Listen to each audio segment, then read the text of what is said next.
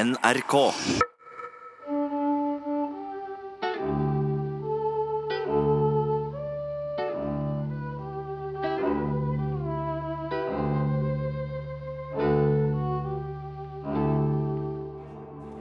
Alt begynner et sted. Endringer starter med noe. Den eh, franske revolusjon begynte han med et rop. Til våpen! Til våpen, borgere! Var det så enkelt? Den lille mann, den store dagen 14. juli 1789, stormen på Bastien. Kan én mann forandre historien? Til Bastien! Der har de kuler og krutt i geværene våre. Tenk på mannen foran tanksen på Den himmelske fredsplass i Beijing i 1989. Hvorfor lyktes ikke han? Hva skal til for at en revolusjon skal bli vellykka? Hva vil det si at en revolusjon er vellykka? Skyt! Kamerater, skyt! Denne mannen, Jean-Baptiste Rambert, en urmaker, var den første som storma til toppen av kongens fengsel Bastien i Paris den 14. juli 1789. Et ekte menneske som skapte ekte historie. Hva var det han drømte om, og hva ble skjebnen hans? Vi har seira! Vi er uovervinnelige! Nå tror jeg at jeg skal tre til side, ut av historien og inn i min egen tid. For Paris var et farlig sted å befinne seg den 14. juli 1789. Bastien det farligste. Og ei kule med navnet til Jean-Baptiste Ambert er på vei. Helt plutselig for røyken og larmen kom ei kule susende og treffer meg i halsen.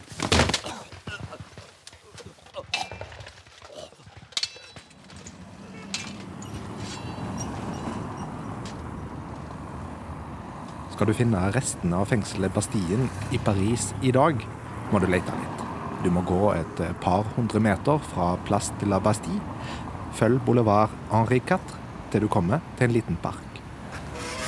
Gå inn en liten knirkende jernport, forbi ungene som leker på klatrestativet,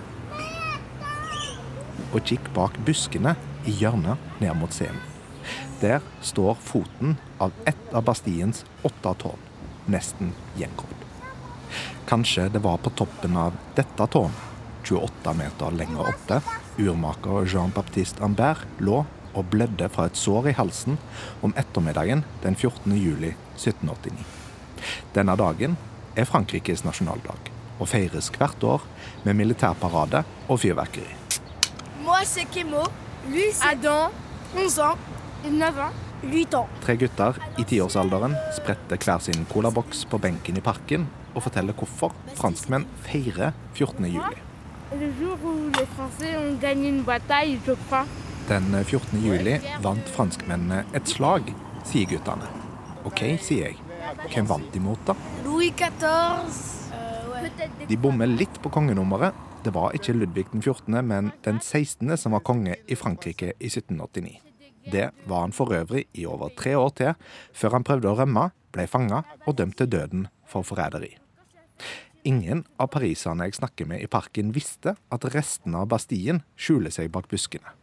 Bakeren Juliette har lunsjpause og unnskylder seg med at det er lenge siden hun lærte om revolusjonen på skolen. Men stormen på Bastien den 14. juli kjenner hun godt. Le peuple s'est rebellé et a complètement pris euh, cette prison.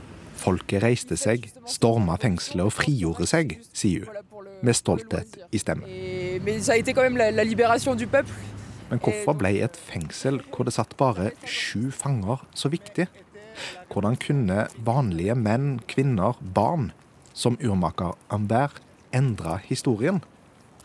Han hadde meldt seg frivillig til en bymilits i Paris, som forsvarte byen mot røverbander. Men òg mot kongens egne soldater, som den 12. juli skjøt mot pariserne. Folk sulta i Paris. Brødprisene var så høye at mange brukte hele dagslønna si på et eneste rugbrød. Flere steder ble bakere, som Juliette jeg nettopp møtte i parken, banka opp og røva. Den 14. juli 1789 skulle bli dagen som endra Frankrike og Europas historie. Og i sentrum for begivenhetene sto en helt vanlig mann, urmakeren Jean-Baptiste Ambert. Hvor var den glade sabelen min? Klokka er seks om morgenen, tirsdag den 14. juli. Det er allerede varmt i Paris, og tordenskyene henger tunge over byen. Like ved Notre-Dame, i et mørkt rom over urmakerforretningen til monsieur Bayard, våkner Jean-Baptiste Humbert. Ja da, ja da. Slutt å mase, jeg har ikke tid til dere nå. Tiden er kommet for å forsvare Paris. Jean-Baptiste sjangler over gulvet. De siste nettene har han gått vakt i gatene sammen med andre frivillige for å beskytte butikker og borgere mot røverbander. Han får øye på sabelen sin og fester den i beltet. Han skvetter litt vann i ansiktet og stavrer ned trappa og ut på gata. Der møter han andre fra militsen, også de med sverd i hendene. Bonjour. Bonjour. Noe nytt å melde? Nei, men eh, det står fremdeles soldater utenfor byen. Det er disse forbanna tyske dragonene som massakrerer sultne kvinner og barn. I stedet for å beskytte dem. Men da må vi, borgerne av Paris, forsvare dem og byen vår. Men hvordan? Se på oss, vi har bare sabler. Vi har kanoner. Geværer! De deler ut geværer på Les Invalides! Hva? Kom igjen! Kom! Jean-Baptiste går med raske skritt langs scenen i retning militærsykehuset Les Invalides. Hit kom skadde og krigstrøtte soldater for å få behandling, og de la fra seg våpnene sine i kjelleren. Ryktet har spredd seg i Paris om at det fins over 30 000 geværer der. Slipp meg fram! Slipp meg fram! Gi meg et gevær! Ved Les Invalides har det samla seg flere tusen mennesker. De bryter seg inn i bygningen og stormer ned i kjelleren. Gi meg et gevær! Fort med en gang! Slapp av, mann. Det er nok til alle. Er det noe krutt her? Nei. Hei! Hei! Rolig, rolig nå! Slipp oss forbi, vi skal opp! Men strømmen av borgere som vil ned i kjelleren, virker endeløse. Jean-Baptiste faller ned trappa.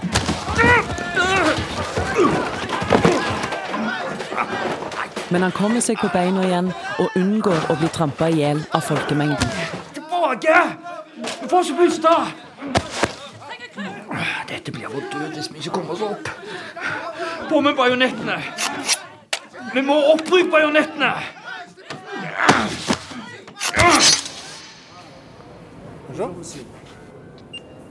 Merci à vous. Jeg eh, viser fram billetten og går inn i kirka på Les Invalides.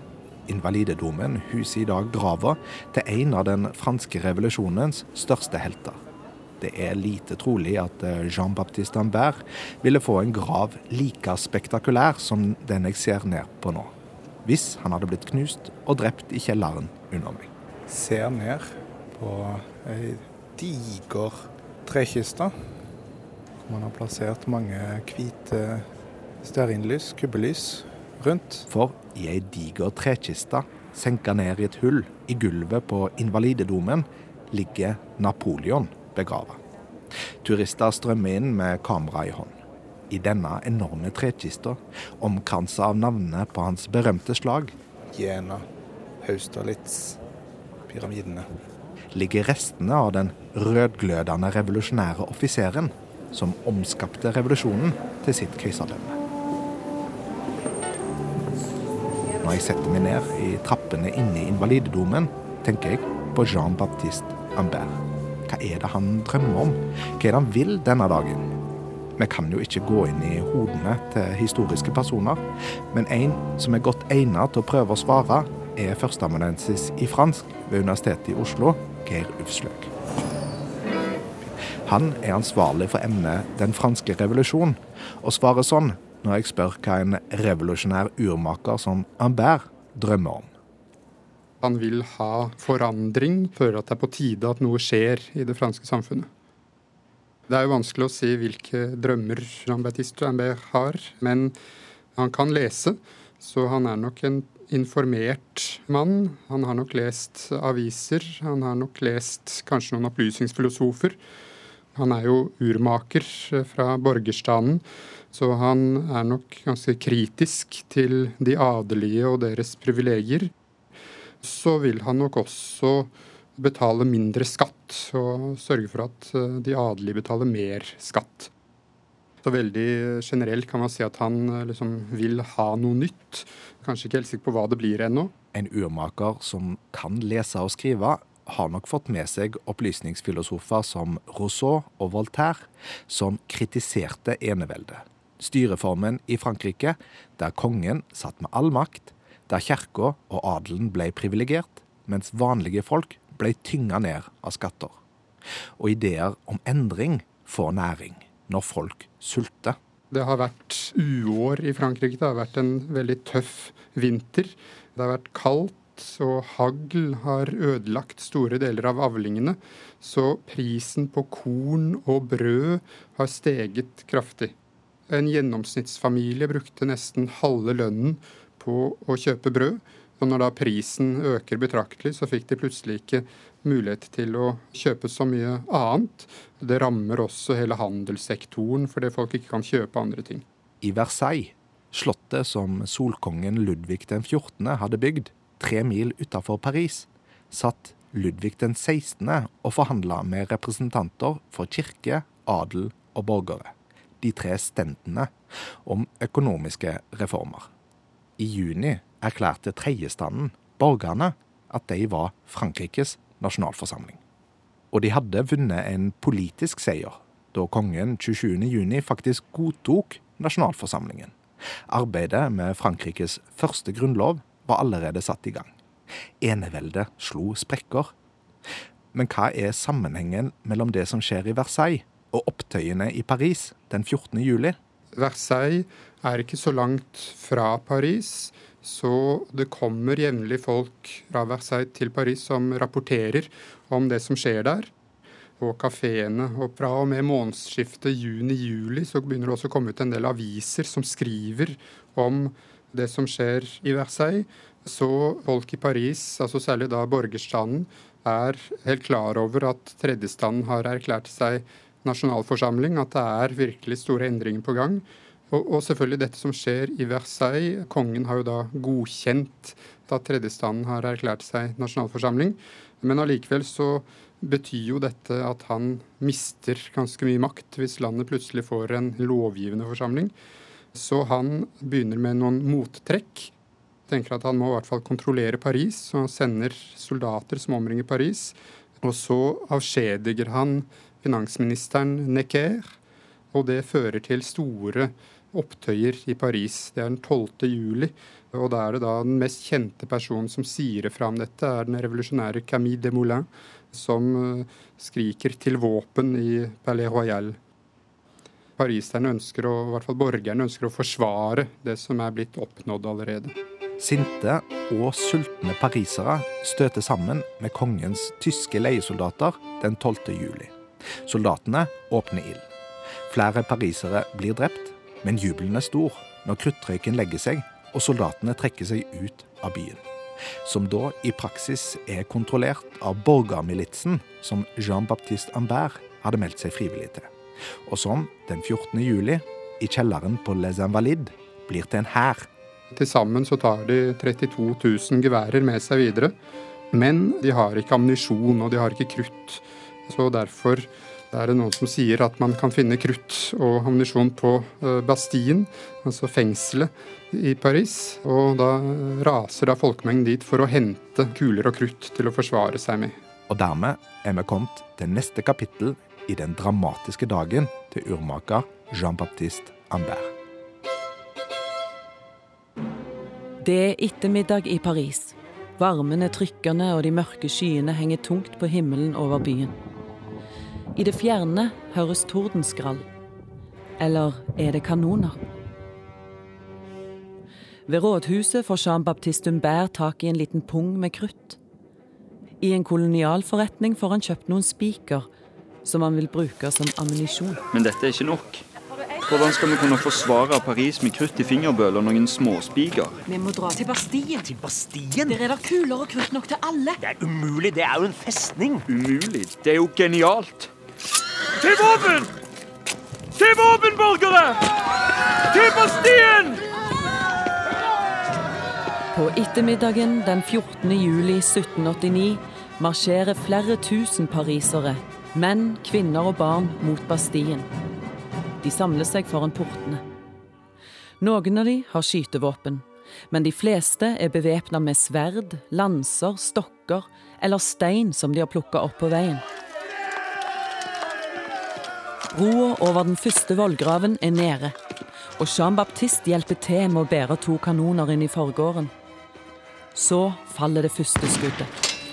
Om det kommer fra gardistene på Bastien eller fra folkemengden, er det ingen som vet. Alle som har gevær og krutt, lader, sikter og fyrer løs. Skyt! Kamerater, skyt! Rundt han faller menn og kvinner til jorden. Men for hver opprører som faller, kommer ti nye til. Få fram kanonen til side, alle sammen. Ikke stå i veien! Vinnerbroa går ned, og porten går opp. Kommandanten på Bastien kapitulerer for den enorme folkemengden. Jean Baptiste setter kursen mot det ene tårnet og begynner å springe opp trappene. Når han kommer til toppen, 28 meter over bakken, støter han på en soldat fra sveitsergarden som prøver å gjemme seg. Nå det! Legg ned våpenet ditt! Nåde, jeg er bare en vanlig borger fra tredjestanden. Jeg har bare utført ordre. Legg ned våpenet, sa jeg! Jeg, jeg overgir meg, og jeg lover å slutte meg til opprørerne hvis du bare lar meg leve. Jean Baptiste tar geværet fra den vettskremte soldaten og går bort til kanonen som står på toppen av tårnet. Han blir stående der og skue utover byen. Han har inntatt Bastien. Han har klatra helt til topps. Vi har seira! Vi er uovervinnelige!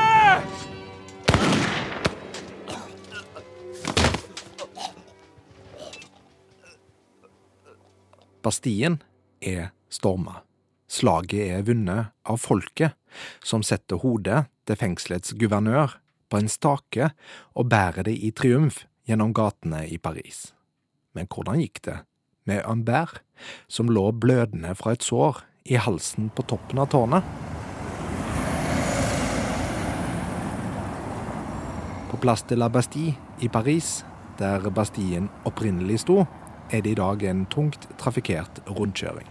Midt i den står ei høy søyle hvor det er inngravert navnene på de som døde i revolusjonen. Men du finner ikke navnet til Jean-Baptiste Ambert her. For det er navnene til de døde i revolusjonen i 1830 som står skrevet.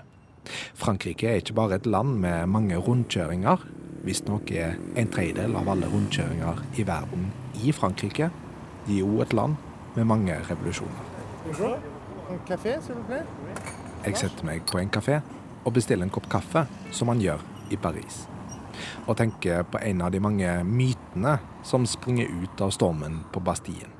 At kaffe var en viktig faktor.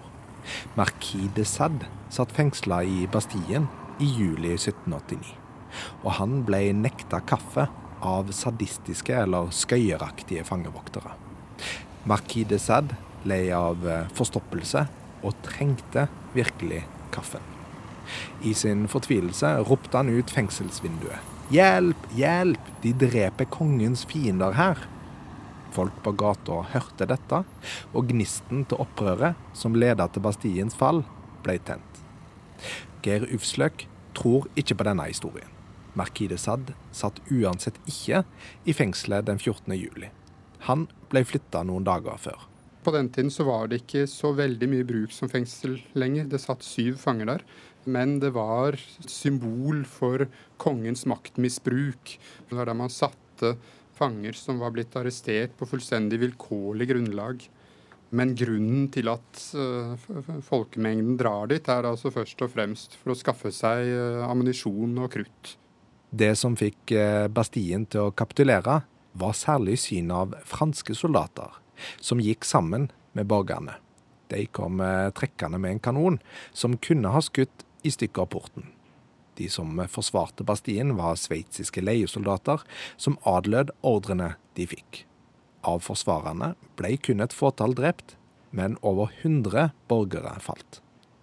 Men hvordan kunne dette skje? Hvorfor sendte ikke kongen soldater til Paris, som slo ned opprøret? Hvor lite skulle det til for at stormen på Bastien aldri ville skjedd? Ja, det, det, kan vi jo ikke vite. Men det som man antar, er at kongen altså var redd for at det bare ville forverre situasjonen hvis han sendte inn soldater til Paris. Og også Ludvig den 16. var uh, til tider ganske samvittighetsfull. altså Han ville kanskje ikke angripe sitt eget folk. Han ville fremstå som en ganske fornuftig konge, en mann av sin tid. Og så kunne han ikke heller være helt sikker på om alle soldatene kom til å fortsette å adlyde ham. Vi ser eksempler i Paris på at mange av kongens soldater går over til folkemengden og hjelper dem. De fikk ikke superbra lønn, så de slet nok litt med å skaffe seg brød, de også. Og var nok litt misfornøyde, de også. Du sa en samvittighetsfull konge. Eller i hvert fall da en konge som uh, gjerne vil fremstå som en som vil folkets beste, tenker jeg vi kan kalle Ludvig den 16. Og så er han litt ustadig. Det er at han uh, går med på ting, og så ombestemmer han seg. Revolusjonen ville nok ha vært vanskeligere med en litt mer standhaftig konge enn Ludvig den 16. Folkets vilje var sterkere enn kongens denne dagen. Den 14. juli 1789 ble dagen da urmakeren beseira den eneveldige. Men hvordan gikk det med Jean-Baptiste Ambert, som lå bevisstløs på toppen av Bastien med blodet rennende ut av såret i halsen? I beretningen om denne dagen, gitt ut en måned etterpå, skriver Ambert. Jeg våkner opp. Jeg befinner meg i trappa inne i tårnet. Soldaten fra Sveitsergarden som jeg nettopp hadde avvæpna, har fått meg i sikkerhet og redda livet mitt. Gardisten forbinder såret og klarer å stanse blødningen. Han prøver å hjelpe meg i sikkerhet, men blir stansa av en gruppe opprørere. De ser at gardisten er dekka av blod og vil drepe han. Men jeg prøver å forklare hva som har skjedd, og ber de om å spare livet hans. Heldigvis tror de på meg. Jeg melder meg til tjeneste hos vaktstyrken under ledelse av kommandant Poirier, hvor jeg til denne dag er i tjeneste. Vi vet ikke mer om eh, Jean-Baptiste Ambert enn hva han skriver i sitt eh, vitnesbyrd fra 14. juli. Det vi vet, er hva kong Ludvig den 16. skrev i dagboka si. Ett ord.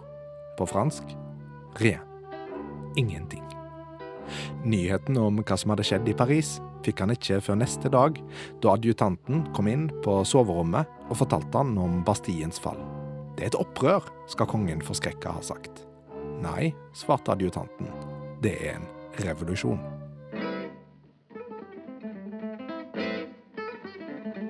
Allerede på kvelden 14. juli starta arbeidet med å rive av festningen, fengselet og symbolet Bastien. En driftig forretningsmann tok på seg oppdraget og ble rik på å selge steinbiter som suvenirer. På plassen festningen lå, har det senere stått de rareste ting. Et dansetelt, en giotin, ei fontene, en elefant, og i dag en søyle til minne om en helt annen revolusjon. For franskmenn i dag er 14. juli først og fremst fyrverkeri, fridag og militærparade men òg en dag som egger deres eh, republikanske stolthet. La revolution est-elle toujours importante en France? Oui, elle est extrêmement importante parce qu'en fait... Jeg spør en mann som går forbi på Place de la Bastille om revolusjonen fremdeles er viktig i dag. La déclaration des droits de l'homme a eu une portée euh, internationale, Ja, så klart, sier han. Tenk på menneskerettighetserklæringen. Den er viktig for folk i mange land den dag i dag. Euh, Menneskerettighetserklæringen fra august 1789 ble først en realitet, underskrevet av kongen, etter at flere tusen kvinner hadde marsjert fra Paris til Versailles, mens de spottende sang om kongen som den lille bakeren. Og det skal vi høre mer om i neste episode av Revolusjonen. Det er meg.